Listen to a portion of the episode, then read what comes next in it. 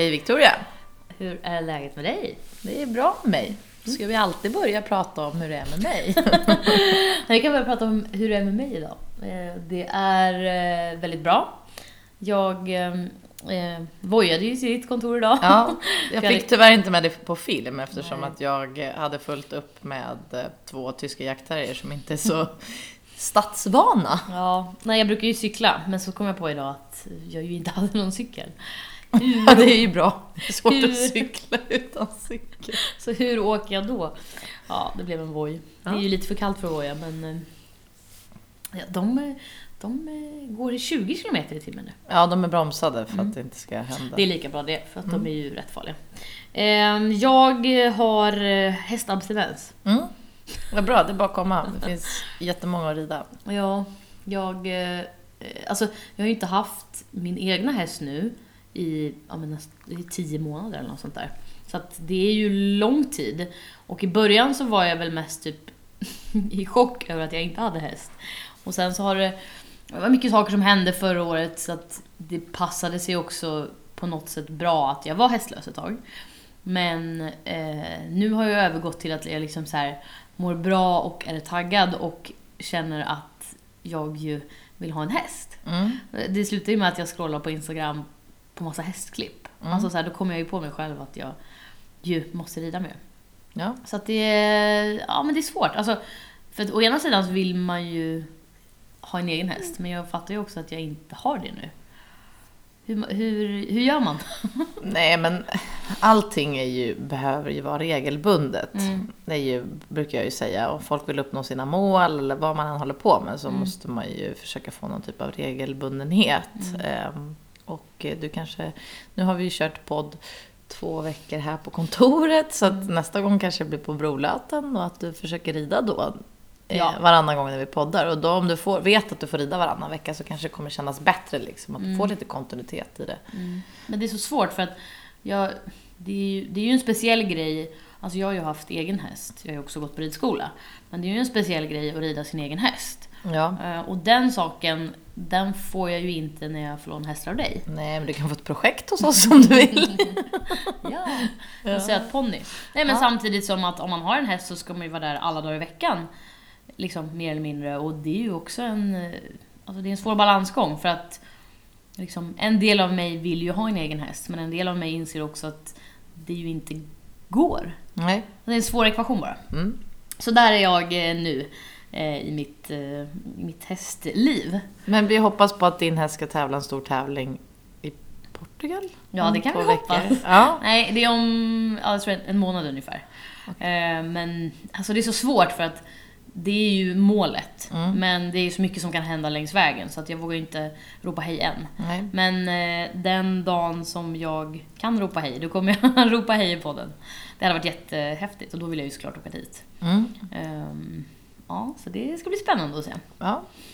Mm. Men hur mår, du? hur mår du då? Jo, men jag mår bra. Ehm, Jag kände mig lite skakad. Jag såg den här eh, Uppdrag granskningsprogram igår om eh, Arlagården, tror jag programmet hette. Jag har inte sett den. Nej, men du har sett att typ alla på Facebook delar Ja. att de aldrig mer ska dricka mjölk eller aldrig mer köpa Arla-mjölk i alla Nej. fall. Eh, Det var väldigt eh, jobbigt och jag är ju sån kär djurvän Mm. så att jag tycker ju alltid att det är jobbigt att se djur som far illa. Det känns ju helt fruktansvärt. Ja. Och ehm, det här var ju dessutom i Sverige. Många av de här klippen man ser eh, är ju utomlands ifrån. Alltså på Facebook och Ja. kommer det upp väldigt mycket sånt här. Ja. Rädda de här hundarna eller rädda de här hästarna. Men Ja. att det sker i Sverige är helt fruktansvärt. Mm.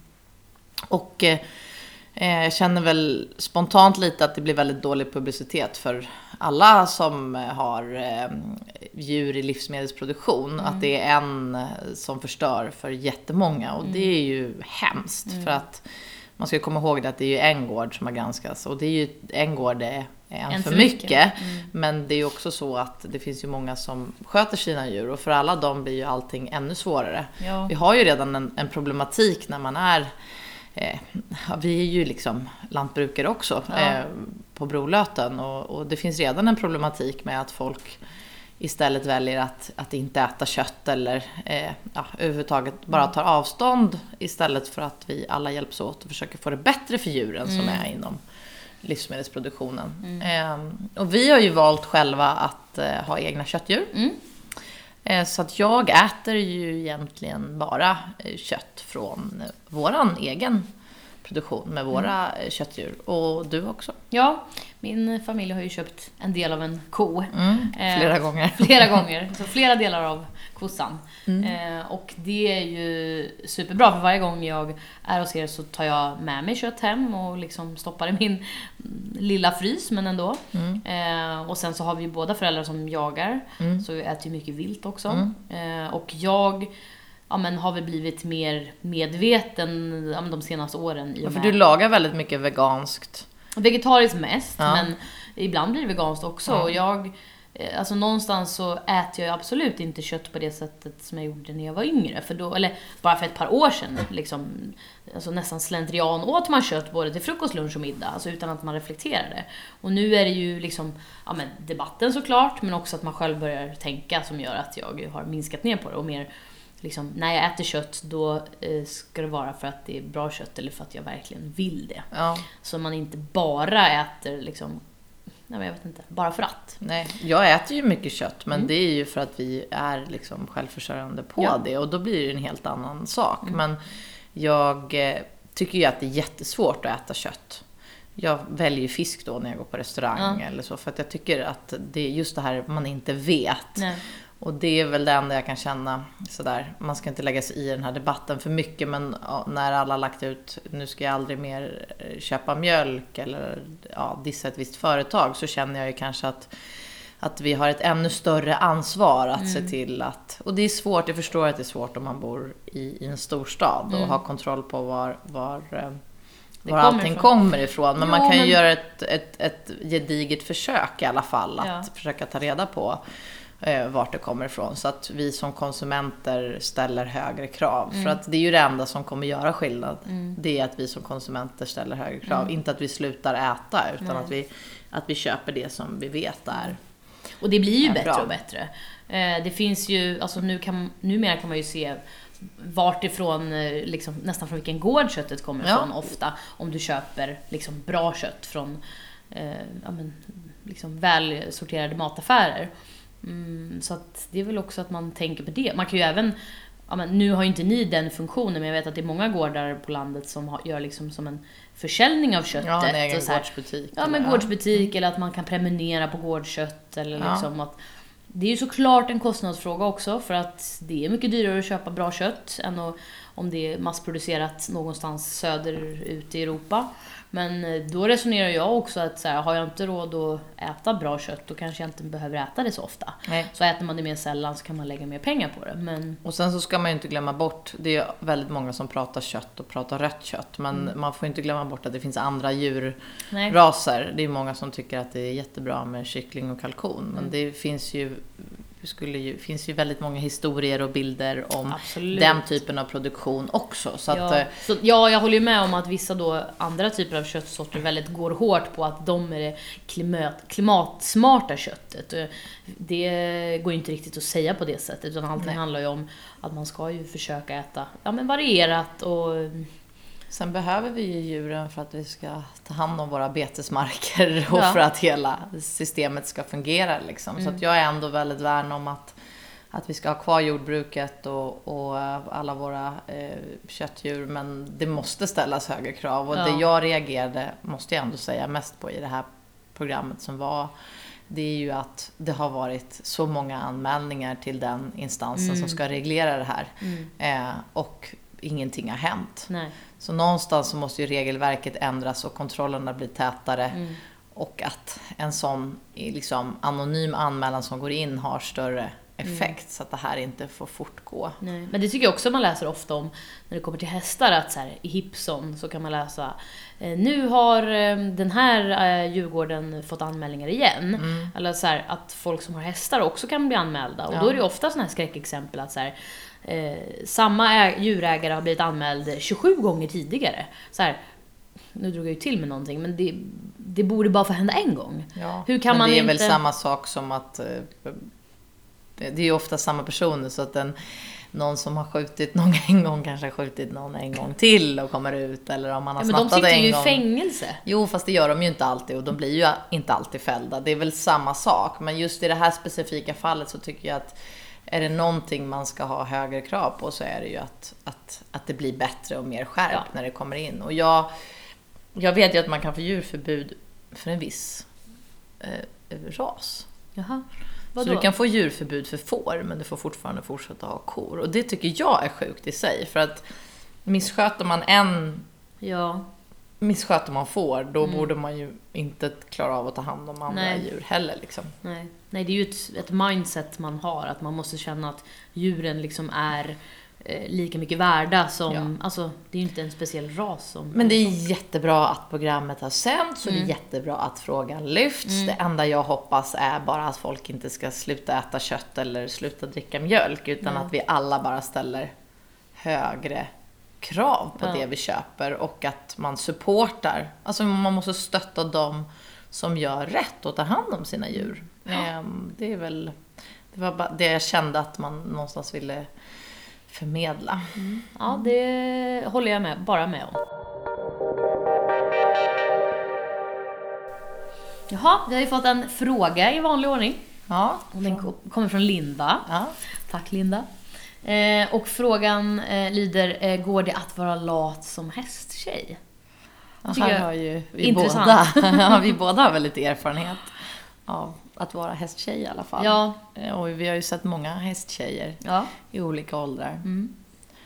Svaret är väl egentligen kort och gott nej. Ja, nej det är ju svårt Ja. att vara lat och samtidigt eh, hålla på med den här sporten. Sen kan man ju vara lat liksom.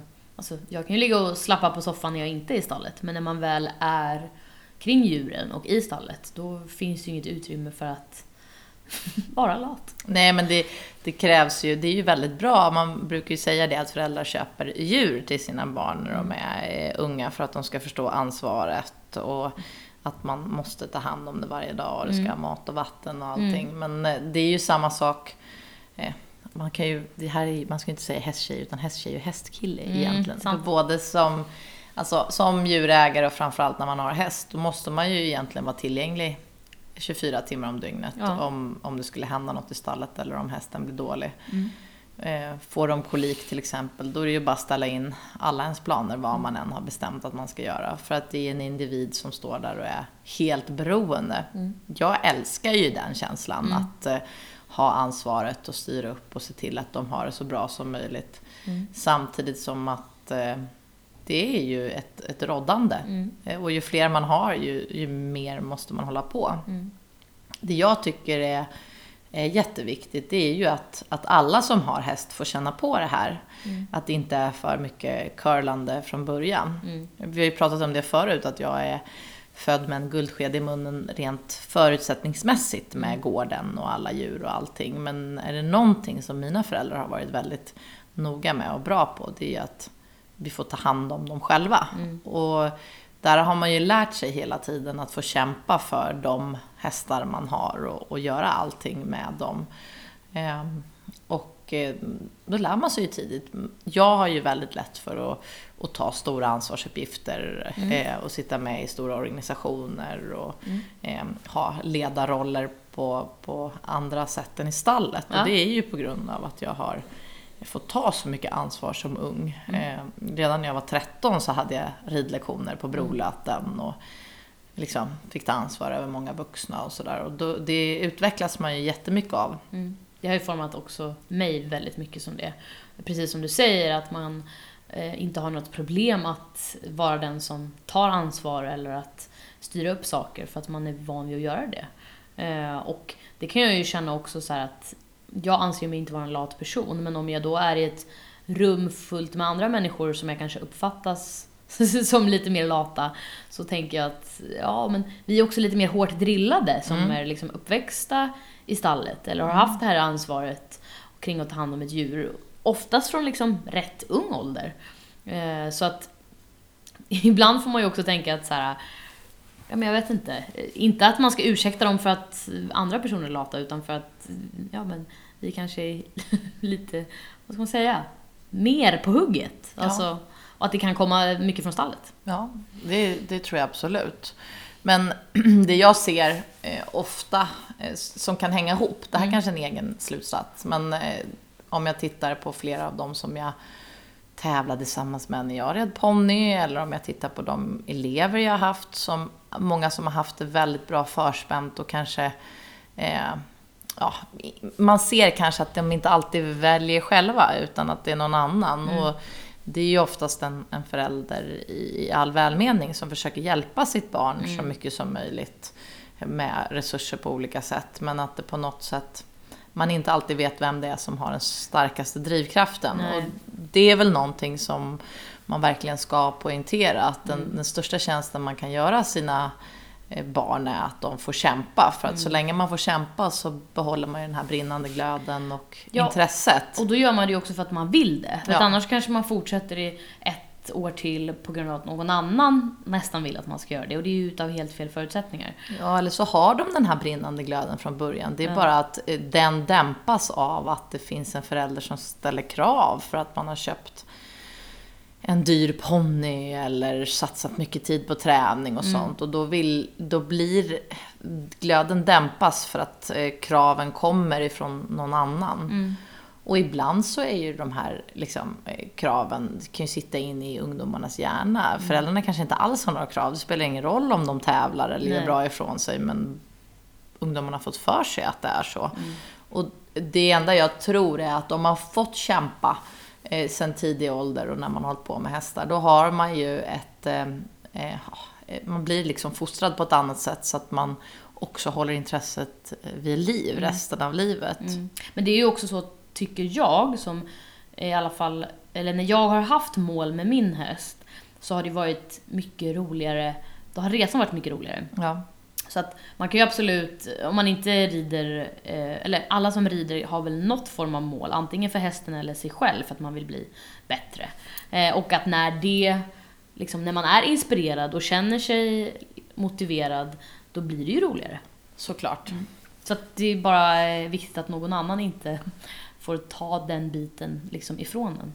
Nej men det är ju också så att det är väldigt tungt stalljobb. Ja, absolut. Eh, vare sig man har en häst eller som jag då 34 eller vad vi har. Ja. Ehm, Det är tungt och det är långa dagar och det är, det är liksom inte... Man måste ju sätta på glitterfilter när man är i stallet just nu för det är så grått och tråkigt Ja. liksom. Det är ju inte så fancy de här eh, timmarna när man mockar och tar in och testar och spolar Nej. ben och så. Och ehm, för, framförallt för de som växer upp och är 14-15 att liksom tömma en box med två kärror och sen packa de här höpåsarna och sen ta in ett par hästar. Det, är- det är tungt.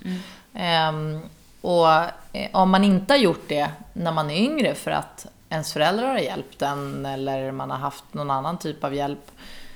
Förr eller senare, om man ska ha häst, så kommer man ju behöva göra allt det här själv. Och då blir det eh, väldigt jobbigt om man Ja. inte har gjort det hela tiden från början. Och då kan ju det räcka som en motgång. Jag tror ju att väldigt många av de motgångarna jag har haft har stärkt mig jättemycket Ja, på olika sätt. Och nu är det ju så att en morgon så kan ju en eller två i personalen ha blivit sjuka och jag är ensam. Och det är tufft att ha eh, allting ensam hemma hos oss. Och det är ännu tuffare om några hästar måste ridas. Ja. Men det är ju bara att göra det tills man blir klar. Mm. Och där har man ju liksom, man är stenhård Mm. eh, när man gör det. Och, och det är ju för att man har haft det här så här hela livet och att man vet att man klarar det. Mm. Och att man känner ansvaret gentemot hästarna, för det är ju de som blir lidande om inte man gör det man ska. Ja. Alltså att, och att man ju har ett ansvar gentemot eh, en häst, alltså ett, säga, ett, ett liv som man ska ta hand om. Så därför så är det ju så viktigt, eller ja, det blir bara eh, extra tydligt. Sen det, kan man ju vara hästtjej på olika sätt. Man kan Absolut. rida på ridskola. Eller hästkille. ja, eller man kan ha egen häst. Ja. Om man har en egen häst så blir det ju inte lika tungt som om man jobbar i stall. Nej. Om det låter lite som nu så är det eh, Chili som ligger i, i Victorias knä. Hon vill tydligen väldigt gärna vara med här i, i podden. Hon suckar lite men hon är också ganska nöjd. Men jag tänkte på en sak nu när vi fick den här frågan om eh, eh, om man kan vara lat och vara hästtjej eh, eller hästkille då. Och det är att när jag växte upp så åkte man utomlands. Mm. Det var liksom, man bara var tvungen att göra det om man skulle bli en bra ryttare. Mm. Får lära sig av någon Ja, duktig eh, ryttare. ja, det var, eller så de som inte hade möjlighet eller råd eller förutsättningar eller blev antagna sökte ju jobb i ett stall i Sverige. Men de flesta av de, mina kollegor som jobbar med hästar på hög nivå i min ålder eller äldre, eh, har ju alla varit x antal år eh, i Tyskland eller Holland. Ja. Jag jobbade ju i Tyskland först Ja. och sen så har jag ju åtta år i bagaget hos Anke van Grinsven och Ja. det är ju mer som elev där men ehm, jag älskade ju den här tiden. Johanna jobbade ju där eh, samtidigt och jag har fått med mig så himla mycket efter att ha varit i alla de här olika stallen. Jag hade ju en sån här verksamhet redan igång hemma så jag behövde ju egentligen inte men alla Nej. tyckte ju att det var väldigt bra att jag kom, kom iväg och utvecklades. Så, ja, eh, man eh, på något sätt får stå på egna ben. Och många av de ryttarna vi, vi har, eller de ryttarna vi har i landslaget idag har ju gjort det här. Tinne har gjort det och Patrik har ju varit många år hos Balkenhol och i, i, hos andra beridare. Ehm, och Mattias som jag tränade för igår, han var också sex år hos Anki och jobbade som, som beridare. Mm. Och eh, det tycker inte jag man ser lika mycket idag. Nej, Ehm, jag har också tänkt på det. Men kan det inte vara för att det är fler duktiga svenska ryttare nu? Nej. Jo, det kan det ju vara, men jag vet inte. Alltså, eh, man tänk- har ju en längre... Förut var det ju så här att man hade en, en karriär på ponny och junior young rider. Mm. Och sen var man ju, skulle man vara senior. Nu har man ju på något sätt förlängt de här ungdomsåren. Ja, så att det är upp till 25 så rider man som, som eh, eh, ungdomsryttare. Och då kanske föräldrarna finns kvar en längre Mm. tid så att man har ett ekonomiskt stöd om man inte åker bort. Men, Men det är väl så internationellt också? Eller är det bara i Sverige? Jo, det är så internationellt. Men jag tycker ju ändå att... Eh, Ja, men det är nog lättare att man då kanske stannar på hemmaplan för att satsa på de åren. ja, så är det ju. Men om jag tänker också att det finns ju ett... Om man tittar på bruksprov eller eh, Falsterbo och Flyinge så finns det ju ett par namn som i många år nu har varit de som har ridit hingstar och tar fram unghästar. Framförallt i dressyren då som jag relaterar till. Och det är ju väldigt mycket samma namn. De som har jobbat länge med unghästar och driver en sån eh, verksamhet. Eh, och eh, om det ska komma yngre sådana ryttare som är duktiga på att utbilda unghästar och ta emot hästar på det sättet, då eh, behöver man kanske ha gjort några år utomlands och lära sig av de bästa. Och det är så mycket, det är en, en typ av fostran för att man ska liksom bli självständig och sen får man med sig, jag tänker på, jag har tagit med mig eh, hur man lindar benen med vilka paddar, det har man från Patrik och hur man hanterar väldigt heta hästar, även om de är 5-6, hur man longerar dem innan och hur man värmer dem och får dem lugna. Det har jag lärt mig av, av Anki och hur länge man ska rykta hästen innan man rider, det har jag med från, från tiden i Tyskland. Man skapar ju en, en egen portfölj med eh, de bästa knepen att ta hand om hästar. Så man tar med sig allting som är bra från varje duktig person man har varit hos. Och alla ryttare skapar ju sin egen. Man, man har ju olika saker man tycker om hos ryttarna.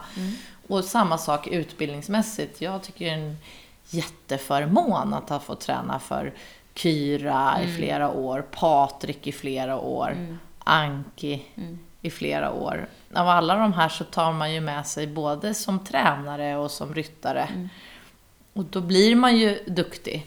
Och även om man har bra tränare här hemma i Sverige så är man själv i sitt ridhus och sitter och nöter, då kanske man liksom, ja, det blir lite inrutat. Man, Sen får man ju inspiration när man är ute på, på stora evenemang och så också. Men det är väl en, en push skulle jag vilja säga. Jag Ja. skulle uppmuntra till det. Att, Ja. att man ja, eh, ändrar, liksom, lä verkligen lägger ett par år att eh, söka den här kunskapen. Mm. Jag tänker på Therese Nilshagen, hon var ju en sån som kommer från Stockholmsområdet och Mm, rid på ridskola verkligen. och sen så söker sig till Tyskland. Ja. Det kanske var enda sättet för henne, eller det var väl enda sättet för henne att få Ja. en sån här Mm. karriär. Och det var likadant med hoppryttaren Angelica Augustsson. Mm. Och många av de här stora namnen som driver sin verksamhet utomlands, de har ju, hade ju aldrig blivit så här duktiga om. Nej. de inte hade gjort det. Nej. Eh, Det Och- kanske finns många som inte känner till, men Mm. man ser ju många av de här ungdomarna som är duktiga idag och tävlar aktivt och har gjort Young Rider-perioden och går upp mot U25, så tycker jag att jag ser att det inte är lika många som åker lika mycket Nej. utomlands. Och det skulle jag, ja men jag tycker det ska uppmuntras till. Ja. Och det är ju många som, eller ni har ju liksom personal hos er. Och att man kanske börjar ett svenskt stall, men sen är det ju flera som har jobbat hos er som har gått vidare ut i Europa efter Mm. det. Liksom, Ni har bra kontakter och eh, ja, men folk i hästvärlden hjälper ju gärna varandra Mm. liksom, när det kommer till att och, så här, jag har en jättebra tjej eller kille här som har jobbat hos oss men som vill vidare. Ja. Känner ni till någonting? Och så kanske man som liksom får börja som ja, men typ en hästskötare utomlands. Alltså inte bara då liksom om man är en duktig ryttare utan ja, och så lär man sig deras, alltså, rutiner och grunder i deras stall och sen kanske man får börja rida på ett annat sätt och att det finns ju en sån väg att gå också. Man, det behöver inte bara vara för att man är en jätteduktig ryttare utan man kanske bara har ett superbrinnande intresse. Ja. Och det är ju tufft. Alltså det var ju tufft även för mig. Jag åkte Ja. ner med en lastbil, 19 år gammal, till Tyskland med tre hästar. Ja. Ehm, och eh, det kändes ju direkt som att de tyckte att jag kom med ett för stort Mm. entourage. Ja. Liksom. Ja. Ehm, och min bästa häst blev skadad ganska direkt när vi kom ner. Mm. Så att den här satsningen jag skulle gjort i Tyskland med mästerskap och allting, den blev ju inte av. Eh, och ehm, det var väldigt svårt, eh, tyckte jag, efter att ha ridit eh, själv i ridhuset varje dag eh, för mamma att Mm. rida med massvis med andra och kort om tid att göra ordning hästarna, Ja. helt andra instruktioner, helt annan utrustning. Jag, bara en sån här, jag var tvungen att rida i den sadeln som min chef hade. Och den satt jag inget bra i och jag fick jättestora skavsår och Ja. jag hade så blödande skavsår. Alltså på dina hästar eller? Ja, jag, fick, jag var tvungen att ha den sadeln på alla hästar. Jaha. Ehm, och just eftersom att, ja, för att han tyckte ju då att jag satt dåligt i den här Okej. sadeln och då skulle jag ju lära mig sitta i den. Så då Ja. fick jag ha den på alla hästar. Det var väl lite dra det till sin spets kan jag tycka så här i efterhand. Har man stora blödande eh, sår i knävecken så kanske man inte kan sitta bättre heller. Liksom. Men jag tyckte att det var jättejobbigt och jag tyckte att det var jobbigt att vara så långt ifrån familjen. Ja. Ehm, och eh, jag tappade jättemycket självförtroende. ja. Eh, och eh, samtidigt så genomförde jag ju tiden där nere. Mm. Och eh, det var ju när jag var i, i Tyskland och jobbade som jag eh, åkte till Aachen och såg Anki tävla. Och bestämde mig för att liksom, henne Mm. vill jag ha som tränare. Mm. Eh, och Häftigt. någonstans fick med mig den liksom, drivet. Att nu Ja. har jag varit här nere och slitit och nu ska jag åka hem och Mm. så ska jag se till att jag blir så bra så att jag Mm. får rida, liksom, jag vill rida som henne men jag vill också få träna för henne. Ehm, och det var, det var en jättetuff period för mig och mamma också, liksom, att man Mm. var ifrån varandra och mamma var stenhård. Så att när jag väl ville åka hem så ringde jag hem till mamma och grät och hon bara la på luren och gick till pappa och sa att det här är nog inte bra. Och då ring henne du, sa hon. Och då, pappa och jag pratade i fem minuter och sen sa han nu åker du ner. Nu åker du ner. Så pappa är lite mjukare där. Men eh, de, liksom, de pushade ju också mig igenom det där. Ja. Eh, och det är jäkligt bra att jag har gjort det. Mm. Så att det är tufft. Mm. Men det, det gör ingenting att det är lite tufft Nej. ibland. Eh, För att det är ju en, en lära för livet. Jag menar, tänk på lumpen. Hur många har inte tyckt att det är ett, ett helvete? Och sen kommer man ur det och tycker att man fick vänner för livet och det är en liksom, den bästa tiden i livet. Ja, men att man lär sig saker och kanske får andra perspektiv på saker. Ja. här, det är inte så jobbigt att eh, göra det här, för jag har ju ändå varit med om det här. Ja, men och jag tycker att det är bra. Jag, jag uppmuntrar till att man, att man gör saker som är utanför ens comfort zone och tar lite emot. Ja, men, och det är ju jobbigt. Alltså, jag, kan, jag har inte varit utomlands i, alltså, i stall, men jag kan förstå att man känner sig lite utlämnad och det är lite jobbigt och det är inga rutiner som man är van vid och det är långa dagar och hårt jobb. Eh, Liksom, så det ska man ju inte sticka under stolen med. Det är ju krävande. Men också hur mycket man eh, lär sig. Ja, jag tror att det var väl Patrik som gjorde en krönika där han sa att eh, det här slitet i de här stallen var min utbildning. Ja. Och det är det som har gjort mig till den jag är idag. Ja. Liksom. Ehm, Och det tvivlar jag inte på. Alltså, Nej, alltså jag bara uppmuntrar till att man, att man ska våga och, Ja. och ta några tuffa år för att verkligen inom alla, alltså man får ju med sig det här för livet. Mm. Och jag menar, du har ju tyckt att det varit jobbigt när du har hjälpt mig i stallet, både Mm. att ta instruktioner och sen eh, att, det blir, att det blir tufft liksom, Mm. man blir trött. Eh, och, och det är ju så. Mm. Eh, men vi har ju utvecklats jättemycket och man gör det fortfarande. Jag tycker Ja. man lär sig Alltså när jag är själv i stallet nu liksom, så lär jag mig fortfarande och man slår sig själv på fingrarna. Mm. Jag gör ju också samma fel ibland som vissa av de som jobbar för mig Mm. gör. Liksom. Men Mm. då räcker det att jag slår knytnäven i huvudet på mig själv så här. För det är mycket att ha koll på och Ja, mycket ansvar. Nej, Nej, det är ett hårt jobb, men det är ett fostrande jobb och det ger ju en också väldigt mycket råg i ryggen. Ja. Alltså, Och att man liksom får det här skinn på näsan uttrycket, men alltså det är ju verkligen så sant. Jag, jag säger ju, varje gång jag har sökt jobb så, så skriver jag ju att jag är en hästtjej. För att jag vet att det är eftertraktat. Ja, men lite så här är det. Jag tänker på det ibland med de som kommer och eh, ska praktisera hos oss. Så får man ju väldigt mycket regler med sig från skolan. Eh, och, alltså, självklart ska man hålla, man, vi följer ju allt det där liksom med vilka tider de ska jobba och ehm, exakt vad de ska göra och inte och sådär. Men samtidigt så är det ju så att de ska få se hur det är i den här branschen. Ja. Att de ska få prova på om det här är någonting de vill göra i framtiden. Ja. Och då måste de ändå få se hur hårt vi jobbar, Ja. känner jag. För att det är ju verkligen så att tänker man sig att man ska ha en professionell ryttar, ett ryttarjobb Ja. eller i stall, så är det tufft. Ja, absolut. Det är jättetufft och det är tufft för oss alla. Det är tidiga morgnar, det är sena kvällar, det är svårt med ekonomin. Ehm, och det kommer man ju tillbaka lite på det här, kan man vara lat och, och, och ha häst? Nej, det kan man inte för det finns aldrig tillräckligt mycket resurser till det man vill göra och Nej. det finns aldrig tillräckligt mycket tid. Nej. Så att samtidigt som att det är jätteviktigt att man reglerar så folk inte blir utbrända eller jobbar för hårt eller jobbar för långa dagar. Eller kroppar går sönder. Nej, absolut. Samtidigt som att man absolut inte ska göra det, så är det ju väldigt viktigt att man förstår att det kanske inte är en bransch som är lämpade för alla. Och Nej. därför är det också viktigt att pröva på den Absolut. ordentligt innan man väljer att satsa på det. Mm. Ja, det är Ehm, sant. Mm. Och där tycker jag ju också att man, eh, ja men, man ser ju ganska snabbt om en person är motiverad för det hårda jobbet eller inte. Eller om det är en person som verkligen brinner för det och klarar av det. Alltså, Ja. eh, Och det är ju inte för att man ska liksom ja, men selektera på ett elitistiskt sätt, utan det är ju bara för att så här, vill du det här tillräckligt mycket? Um, och ja, som sagt, det visar sig ganska snabbt, tycker jag, eftersom att det är ju, det är ju ett kraftprov. Både för kroppen och eh, hjärnan. Jo, men hur många gånger ringer inte jag dig och skriker att jag pallar inte? För att man helt så här, Ja. ba, ba, det bara tar stopp liksom efter en 14 timmars dag. Ja.